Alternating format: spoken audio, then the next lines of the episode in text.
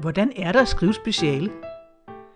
Kandidatspecialet er formelt afslutningen på i alt fem års studier, og for mange forekommer specialet som en stor, måske lidt uoverstigelig mur, man skal over, før man er igennem uddannelsen. Men specialeperioden er meget andet end bare arbejde. Undervejs sker der for langt de fleste en masse. Man får indsigter i ting om sig selv, der måske bare hidtil har stået vagt, og man erkender nye sammenhænge, og man vokser. Jeg hedder Marianne Højen og har i mange år vejledt studerende blandt andet deres specialer. Det har altid fascineret mig, hvad det er, der er på spil i en sådan proces. Derfor har jeg fulgt et antal studerende igennem deres individuelle forløb og interviewet dem undervejs. Udover at jeg selv er nysgerrig, er det for mig mindst lige så vigtigt at være med til at afmystificere specialet over for nye studerende, der står og selv skal i gang.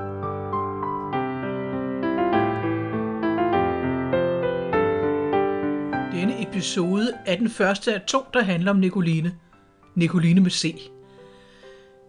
Vi starter i denne første del med at høre Nicoline fortælle om sin baggrund, hvor hun voksede op, gik i skole, lidt om gymnasieårene og om sabbatåret, der gjorde, at hun måtte videre på en uddannelse.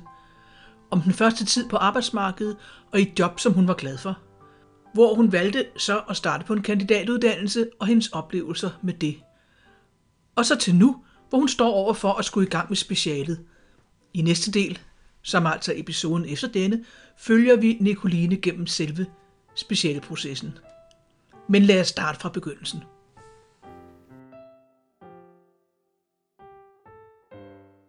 Jeg hedder Nicoline, og jeg er 26 år gammel, og jeg er vokset op i Køge med mine forældre, som blev skilt, da jeg var 6 år gammel. Og så har jeg en lillebror. Er sådan nok meget klassisk storesøster. Meget ansvarsbevidst, måske også for meget. Øhm, jeg tror, min lillebror vil kalde mig kontrollerende. Øh, min mor hun er øh, social- og sundhedshjælper, og min far han er sælger af sådan skibselektronik. Vi har altid boet i lejede lejligheder, mm. øh, men i sådan de pæne områder. Nu kan man sige, Køge har, har mange ikke pæne områder, men det her var de pæne områder. Jeg har gået på to folkeskoler. Jeg startede på øh, den første skole øh, i det område, som vi boede i, da jeg var sådan lille barn. Og det var sådan en meget blandet skole med ret mange, hvad kan man sige, udsatte øh, børn og unge. Og så var der en, en stor sådan, udskiftning af lærere, og øh, ja, det var lidt sådan et sted, hvor hvis du lavede lektier, så var du ikke en af dem, som man gerne ville være venner med. Så det var noget, man holdt for sig selv, at man gjorde. Derefter, øh, fordi mine forældre begge to flyttede, og der skete noget omrokering på min skole, øh, så startede jeg på en anden folkeskole, som ligger i sådan op i byen, og bliver kaldt for byskolen, som er sådan det her sted, hvor at de hvad kan man sige, mere privilegerede eller pæne børn går. Og der får jeg så den her meget træls øh, besked om, at jeg faktisk er et år bagud rent fagligt, hvilket jeg på ingen måde var på den anden skole. Så jeg får en masse støtte heldigvis af min dansklærer og min matematiklærer, som hjælper mig til faktisk at indhente, ikke, ikke, ikke sådan komme foran, men i hvert fald komme på samme niveau som de andre øh, elever, allerede 9. faktisk. Men det var også fordi, de sagde til mig, at jeg kunne ikke komme direkte på gymnasiet, hvis jeg ikke ligesom nåede at komme op på det niveau. Og det vil jeg. Jeg ville på, på gymnasiet. Det var det, man gjorde. Enten så valgte man at gå på øh, en næste X, eller en, så videre på HX. Det var sådan, ja, der var to, der valgte fra min klasse ud af, jeg tror, vi var 23 elever, ikke at gå på en gymnasiel uddannelse efter folkeskolen. Jeg har primært sproglige fag og samfundsfaglige fag, men prøver så vidt muligt at springe lidt og elegant over matematik og fysik og hvad der ellers hører til det naturvidenskabelige. Jeg vil gerne undgå matematik så meget som muligt. Jamen, jeg tror bare, jeg havde dårlige, dårlige erfaringer med matematik fra, øh, fra folkeskolen. Så jeg valgt at tage musik på B-niveau, på trods af, at jeg på ingen måde er musikalsk. Bare for at undgå at få, få matematik. Jeg tror egentlig ikke, jeg tænkte så meget over det, men det var meget almindeligt, at man tog et sabbatår. I hvert fald et. Øh, så det gjorde jeg. Øh, de fleste tager sabbatår, fordi de, altså de er læst, eller hvad hedder det, skoletrætte. Mm, mm. Og gerne vil ud og lave noget andet. Sådan tror jeg egentlig aldrig rigtig, at jeg nåede at have det. jeg var træt af gymnasiet, mm. men jeg var ikke træt af at lære, og derfor så bestemte jeg mig ret hurtigt for, at jeg gerne ville læse videre. Mm. Jeg ville gerne bryde med øh, mine forældres baggrund, som var ikke at have særlig lange uddannelser. Jeg blev netop præsenteret for det her øh, med den sociale arv, da vi gik på gymnasiet, hvilket jeg tror, de fleste i den tid gjorde. Og der tænkte jeg, at det, det skulle jeg bryde med. Det. Jeg kunne godt gøre det bedre. Jeg vil gerne ud af det mønster. Altså, der kan man sige, det havde jeg jo allerede gjort ved bare at starte på gymnasiet. Men det fodrede i hvert fald appetitten til at gerne ville på universitetet. Så arbejdede jeg inde på det gamle kommunehospital, som er universitet nu, i kantinen, som ligger nede i det gamle kapel. 37 timer om ugen, og det var forfærdeligt. Jamen, det var, det var jeg træt af rimelig hurtigt. Sådan en måneds tid, så øh, ville jeg egentlig bare gerne videre. Men jeg bliver så hængende, fordi det gør man. Eller det gjorde jeg i hvert fald. Og øhm, ja, så søger jeg ind på pædagogseminaret. Mm. Starter egentlig med at søge kvote 2, men bliver rykket op til kvote 1. Og jeg søger alt, hvad jeg kan. Jeg søger selv i Roskilde, bare for at komme, komme ind et sted. Jeg vil bare starte. Hvorfor ville du gerne være pædagog, tror du? Altså, jeg har, har jo som sagt fået at vide, at jeg øh, burde blive pædagog. Det har jeg fået at vide det, det meste af mit liv. Men det jeg tror jeg bunder i sådan, øh, det her med, at jeg er et meget omsorgsfuldt menneske, øh, som er meget opmærksom på andre og meget god til at læse andre, øh, hvilket ikke altid er en kæmpe fordel, men... Det har du været enig i? Nej, nej, jeg har jo i virkeligheden haft den her drøm om, at jeg skulle tage den her meget lange uddannelse, og skulle gøre op med min baggrund og alle de her ting. Så jeg tror, det var sådan et, et lille... Jeg har været en, en meget... Øh, meget lidt oprørs teenager, mm. og jeg mm. tror, det var et lille, et lille oprør sammen med, at jeg farvede mit hår knaldhamrende rødt, uden at mine forældre vidste, og at jeg røg nogle cigaretter i smug og sådan nogle ting. Jeg tror ikke, jeg er sådan et menneske, der planlægger min fremtid særlig meget. Altså sådan, jeg ved godt, hvad jeg vil, og jeg har masser af drømme og sådan noget, men jeg er ikke sådan en, der har en ambition om at arbejde et bestemt sted og have en mand og en villa og en vorse, eller hvad man mm. siger. Det, det, det tager jeg meget sådan, mm. som det lige engang nu engang kommer til mig. Jeg starter på øh, Frøbelseminaret på Frederiksberg, da det lå der, okay. øh, som var min første prioritet, da jeg søgte ind. Og jeg søgte jo hvad? Jeg tror, jeg søgte fem eller seks eller sådan noget.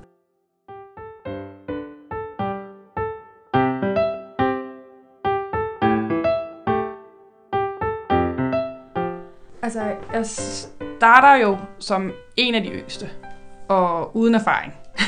så på den måde er det ikke... øh, måske var jeg lidt udfordret, men jeg synes, det var så fedt at gå på pædagogseminaret, og det synes jeg faktisk, det var hele vejen igennem.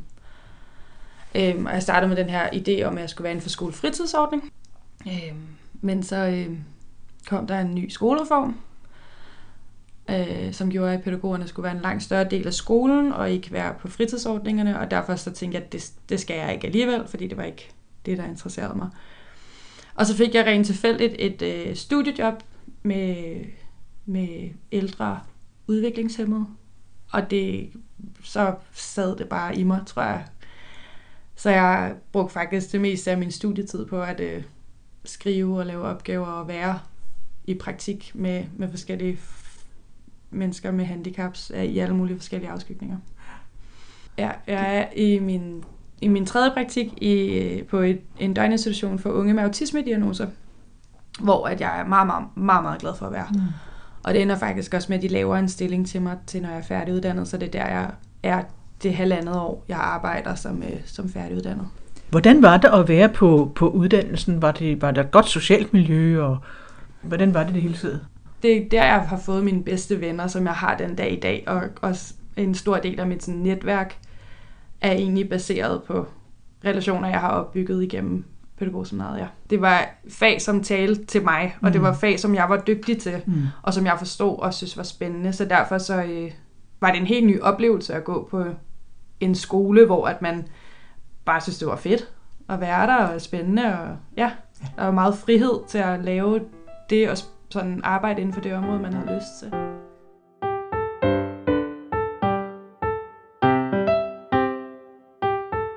Hvornår begyndte du at tænke på, at du ville læse videre?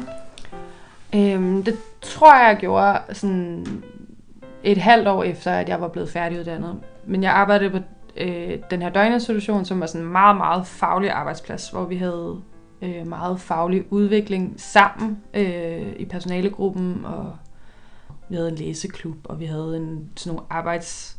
Øh, nej, temadage hed det, øh, hvor vi så havde nogle bestemte ud og undervise os og sådan nogle ting. Så det var ikke fordi, at jeg bare kom ud til en praksis, der kun var praksisorienteret. Der var også meget sådan... Vi snakkede meget om, hvordan man gjorde pædagogik på vores arbejdsplads, og det var jeg meget, meget glad for. Men jeg er også bare typen, som der øh, nørder lidt meget, kan man sige, i hvert fald i forhold til, hvad mange andre nok gør. Så jeg sad også og læste sådan faglitteratur i min, i min sådan fritid, fordi jeg synes, det var fedt og spændende og hyggeligt, så jeg var også meget sådan... Jeg havde mange ambitioner på min arbejdsplads vegne, og jeg synes, det var mærkeligt, de ikke havde lige så mange, som jeg havde. Så jeg tror, altså, jeg tror, der er mange af mine kollegaer, som der har synes, jeg var en lille bitte smule for entusiastisk, mm. og en lille bitte smule for meget i det hele taget. Ja, men så jeg fandt ud af, at mit, den her arbejdsplads, den var lidt for lille til det, jeg gerne ville. Så jeg valgte at søge ind på pædagogisk sociologi. Jeg har rettet min pædagoguddannelse meget i sådan en sociologisk retning, og nok egentlig ikke bevidst, eller det, det har ikke været sådan 100% bevidst. Men jeg har arbejdet meget med sådan diagnosekultur og totale institutioner og dobbelt socialisering og sådan nogle forskellige ting, som jo ligger meget i det sociologiske. Mm. Og så havde jeg egentlig tænkt på, at jeg ville læse pædagogisk psykologi, men det var fordi, jeg havde hørt mest om den. Mm. Og så gik jeg ind og læste øh, fagbeskrivelserne, og så blev jeg bare solgt til pædagogisk sociologi mm. i stedet for. Mm. Fordi det talte lige ind i det, okay. jeg synes er spændende. Så starter du. Hvordan, øh, hvordan er det at starte? Fedt og angstprovokerende på samme tid. Meget øh, anderledes end at gå på pædagogseminaret, mm. at, at starte herude. Eller i hvert fald, det var i hvert fald min sådan, forudindtagethed omkring det, at jeg nok ville blive meget udfordret, og jeg var bange for, at jeg ikke kunne finde ud af det, og at niveauet var for højt og sådan nogle ting. Ja, og så er der jo nok også det, jeg tror bare, det er meget forskelligt at komme fra en professionsbachelor end en akademisk bachelor, fordi at mm. der ligger også nogle fordomme i luften omkring uh, professionsbachelor, om at, at vi ikke har teori, og at vi ikke uh, på den måde er kompetente til at mm. gå på universitetet. Så derfor var der bare sådan en, en frygt for mm. ikke at passe ind herude. Mm. Men ja, jeg har været meget, meget glad for at gå på DPU mm. det første, eller den første tid her. Øhm, ja, og der, er ikke, der har ikke været nogen som helst fordomme for undervisere, eller noget, vi tværtimod bare er blevet opfordret til at bruge vores erfaring, og eller blevet gjort meget opmærksom på, at vi kan noget andet, fordi vi har en anden baggrund end dem, der kommer med akademiske bachelor. Øh, ja, og så er der forskel på... Altså man kan sige, på Frøbel, der var vi en meget lille hold. Det svarede nærmest til en folkeskoleklasse. Eller gymnasieklasse. Øh, med undervisere, der var meget sådan fast på os, og de var der et helt semester og alle de her ting. Så de kendte os. Men jeg oplever en helt anden form for dedikation herude med, med undervisere, som synes, det er mega spændende, det man laver, og har rigtig meget lyst til at snakke med en om det, også i deres pauser, og hvis man... Så nu går du på tredje semester, og står over for at skulle i gang med specialet. Hvordan har det så været? Det er frustrerende mm. øh, og tungt og demotiverende. Og det er ærgerligt. Fordi at første og andet semester var mega spændende, og hver gang vi havde været til forelæsning, så følte jeg, at jeg havde fået sådan en åbenbaring, og jeg mm. havde bare lyst til at undersøge hele verden og, og sådan noget. Men, men fordi det er så rettet mod specialet nu, så bliver vi på en eller anden måde pæset til allerede nu at tage stilling til, hvad det er for et emne, vi gerne vil skrive om i specialet, og derfor ret de to eksamensopgaver, der er på det her semester, imod specialet, og så derfor også med samme emne. Så jeg føler slet ikke, at jeg får lov til at sådan udfordre mig selv på samme måde, men heller ikke at udforske på samme måde. Jeg synes, det er vanvittigt ærgerligt. Okay. Meget ærgerligt, at der er øh, et stort fokus på at afvikle os som studerende på en måde. Vi har lige lært at være her. Jeg har fundet ud af, og det er ikke noget, der har ligget for inden, men at jeg, hvis jeg kunne gå tilbage og vælge om, så ville jeg for det første vælge at have matematik i, i gymnasiet. Og så ville jeg have valgt at læse en bachelor, i, i hvert fald en bachelor, i øh, sociologi på KU eller Aalborg Universitet. Fordi jeg synes, det er svært at øh, lære den akademiske tradition på et år. Mm. Og det er et år, vi har til det. Uddannelsen var to år, men vi er nærmest færdige nu, fordi nu skal vi bare ligesom have det afviklet. Der er ikke så meget læring i det længere.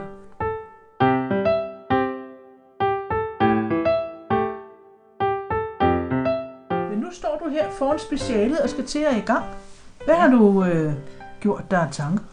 Jamen, jeg har fundet frem til mit emne, og det er sådan ret stort for Ja. mig i virkeligheden. Sig lidt om det. Jamen, det, jeg skal skrive om øh, frivilligt socialt arbejde i, sådan, i kontekst med sådan velfærdsstaten, og hvordan at velfærdsstaten har været øh, rigtig dygtig til at uddelegere noget ansvar, som oprindeligt var deres til frivillige organisationer, som de så sponsorerer rent økonomisk, så der ligesom også kommer en forpligtelse imellem organisationerne og, øh, og staten. Og så også, øh, ja, den her sådan, hvad det gør for relationen mellem frivillig og modtager af frivilligt arbejde. Og jeg tror, jeg kommer til at arbejde med en enkelt institution, hvor jeg skal lave øh, feltarbejde. Jeg kommer til at arbejde med nogle interviews, men med de frivillige og ikke dem, der modtager. Og rent teoretisk kommer jeg til at bruge Bourdieu og Frère, tror jeg. Altså, det er det, der er planen. Det er det, der er planen. Men den er altså ikke helt, den er ikke, den er ikke sat i sten, eller hvad det hedder. Nej. Er det sådan, at, at, at, at, at du godt vil have en plan? Nej. Eller det kunne være fedt nok, tror jeg, men, men det, det, det, nej, det vil jeg heller ikke, fordi jeg tror også, der er noget læring i processen hen imod målet. Giver det, giver det mening? Altså, jeg tror, jeg kommer til at lære ret meget, både om mig selv, men også om, hvordan man laver så stor en opgave, imens jeg laver den. Jeg vil Ja. opleve, at der er nogle ting, der ikke fungerer. Jeg er sur over, at øh, der er at vores speciale tid er blevet skåret så meget, at jeg ikke føler, at jeg kan lave det produkt, jeg gerne vil lave. Og derfor så regner jeg med at komme til at udskyde den. Mm. Og jeg kan ikke sige, hvor meget. Mm. Men, men det regner jeg med. Jeg glæder mig rigtig meget til at fordybe mig øh, i et emne, jeg synes er spændende. Og så glæder jeg mig til kun at skulle lave det, og ikke at have to moduler, øh, som jeg skal holde styr på sideløbende. Og så glæder jeg mig så meget til at få vejledning. Mm. Jeg glæder mig så vanvittigt meget til at få vejledning. Det vigtigste for mig er, at jeg laver et produkt, som jeg kan være stolt af, og som jeg ved er godt, og derfor så kommer jeg til at aflevere mit speciale, når det er færdigt. Mm. Ja. Og så... Øhm, jeg er også lidt i den situation, hvor jeg aldrig har skrevet så stor en opgave alene før. Øh, og det er jeg faktisk allerede her på tredje semester, fordi vi har vores 20 ECTS-point, modul. Men ja, så det bliver også spændende at gøre det. Men jeg er meget heldig, at jeg har øh, en studiegruppe, som, øh, eller i hvert fald to fra min studiegruppe, øh, som jeg har en aftale om at, at arbejde sammen med. Ikke om vores, altså vi skriver hver vores speciale, men vi skal sidde sammen og holde hinanden op og holde gejsten sammen.